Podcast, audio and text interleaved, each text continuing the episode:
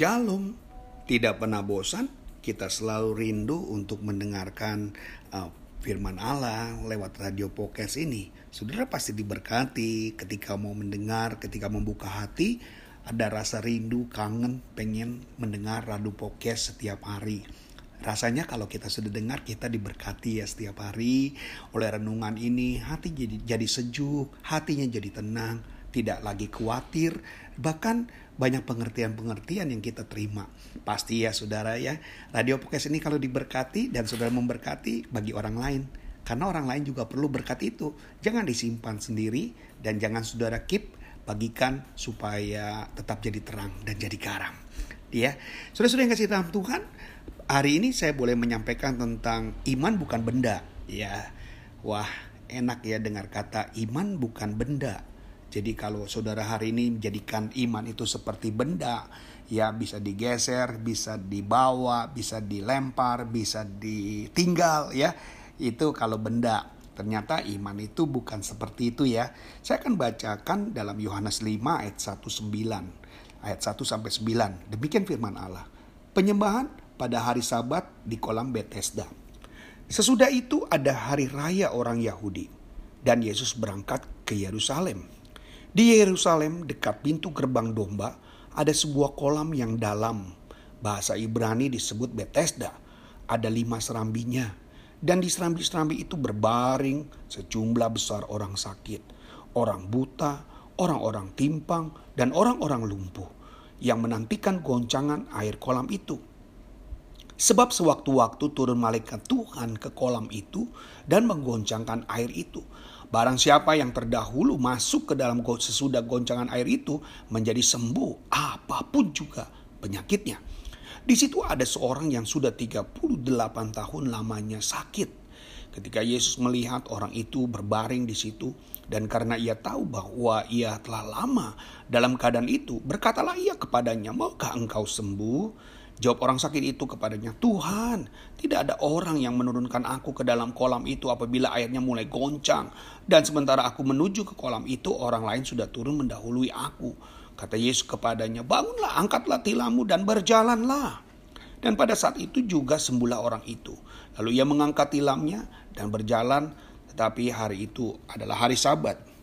Dalam peristiwa mujizat ini ya, dalam Yesus di Injil Yohanes kita mulai memahami, kita mulai mengerti bahwa iman bukan sebuah kata benda, tetapi sebuah kegiatan ya atau kata, kerja, sebuah tindakan, sebuah perbuatan yang harus kita lakukan. Dan tindakan yang menggambarkan seseorang untuk memutuskan mempercayai Yesus sebagai jawaban.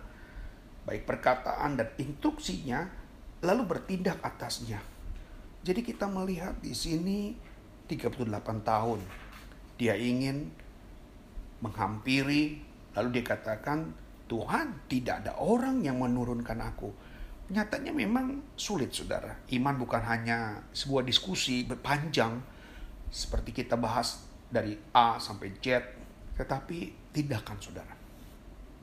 Yesus melihat seorang pria lumpuh di kolam Bethesda ini yang 38 tahun tanpa ada pertolongan. Lalu ketika Yesus bertanya, maukah kamu menjadi sembuh? Itu dilihat dari ayat yang ke-6. Ia ingin memastikan bahwa pria itu sungguh-sungguh percaya akan mujizat-mujizat Tuhan yang selama ia nantikan melalui kolam tersebut. Dan jawabnya menunjukkan bahwa ia sudah tidak punya harapan untuk menolong dirinya sendiri. Dan dia berpikir bahwa ia akan sembuh ketika dia masuk ke dalam kolam tersebut ketika malaikat turun dan air itu bergejolak. Dan tidak berarti ia mempercayai hal itu. Kemungkinan India sebenarnya tidak mau disembuhkan karena terlalu lama. Dan dia sudah merasa ya sudah bahwa penyakitnya ini adalah sebuah yang kutukan yang dia harus terima sampai mati.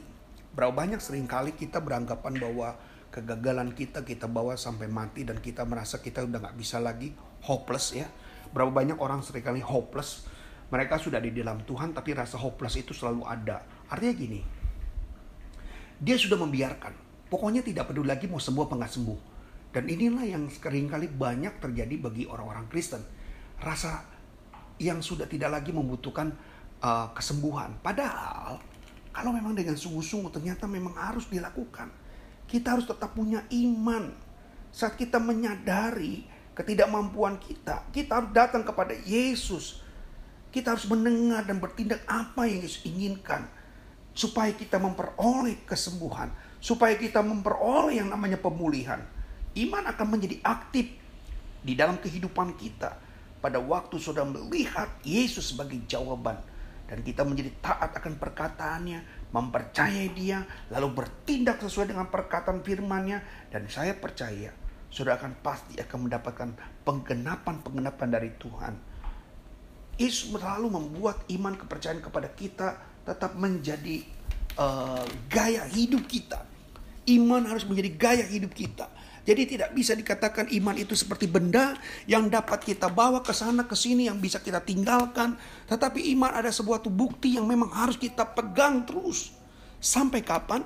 Ya, saya percaya sampai akhir kehidupan kita untuk tetap beriman dan bertahan. Tuhan mau iman itu tetap terjaga, Tuhan mau iman itu tetap terpelihara sampai dia datang kali yang kedua. Dia mau lihat apakah iman kita bertahan atau iman kita seperti uh, kapas yang hanya kelihatan tetapi pada waktu kita pegang itu tidak ada. Saat ada masalah dia akan hempis, saat ada masalah dia akan terbawa angin, saat ada masalah dia tidak dapat mampu berbuat apa-apa. Kita mau apa yang diinginkan Yesus. Iman adalah taat pada perkataan Kristus. Iman adalah kepercayaan kita. Kalau saudara lihat dalam Ibrani 11 ayat 6, 1, ya, iman adalah dasar dari segala sesuatu yang kita harapkan dan bukti dari segala sesuatu yang tidak kita lihat. Dengan beriman kita menjadi percaya. Dengan beriman kita bertahan. Kita tahu apa yang Tuhan inginkan. Kita tahu apa yang Tuhan mau dalam diri kita. Sebagaimana orang lumpuh tadi 38 tahun dia dapat disembuhkan 38 tahun bukan suatu uh, yang sulit bagi Tuhan ya bayangkan kalau mungkin kita bilang begini ya Pak Yoel kenapa nggak dari kemarin dia percaya sama Tuhan ya nah itulah kadang-kadang kita kadang-kadang membutuhkan yang hanya yang mungkin sesuatu yang miracle saja, yang sesuatu yang besar dalam event-event besar saja iman kita percaya. Baik dalam event apa pun, dalam kegiatan besar, saya mau supaya di gereja pun ada mujizat-mujizat saudara. Saat ini gereja mulai menurun sekali. Tampak mujizat itu sepertinya tidak ada. Mujizat itu sepertinya hilang terbawa angin. Dan saya mau kapan saja sudah ada di dalam gereja, sudah mulai berkata saya dapat mujizat Tuhan. Saya menerima mujizat Tuhan. Dan mujizat-mujizat itu harus menjadi nyata dan mujizat itu menjadi kenyataan dalam kehidupan kita. Itu saja yang saya boleh sampaikan buat saudara-saudara yang percaya di dalam Tuhan, terus bertahan, tetap beriman, dan dalam segala hal andalkan Tuhan.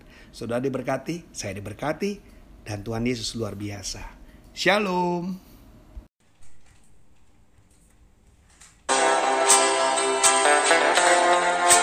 Sampai jumpa esok hari.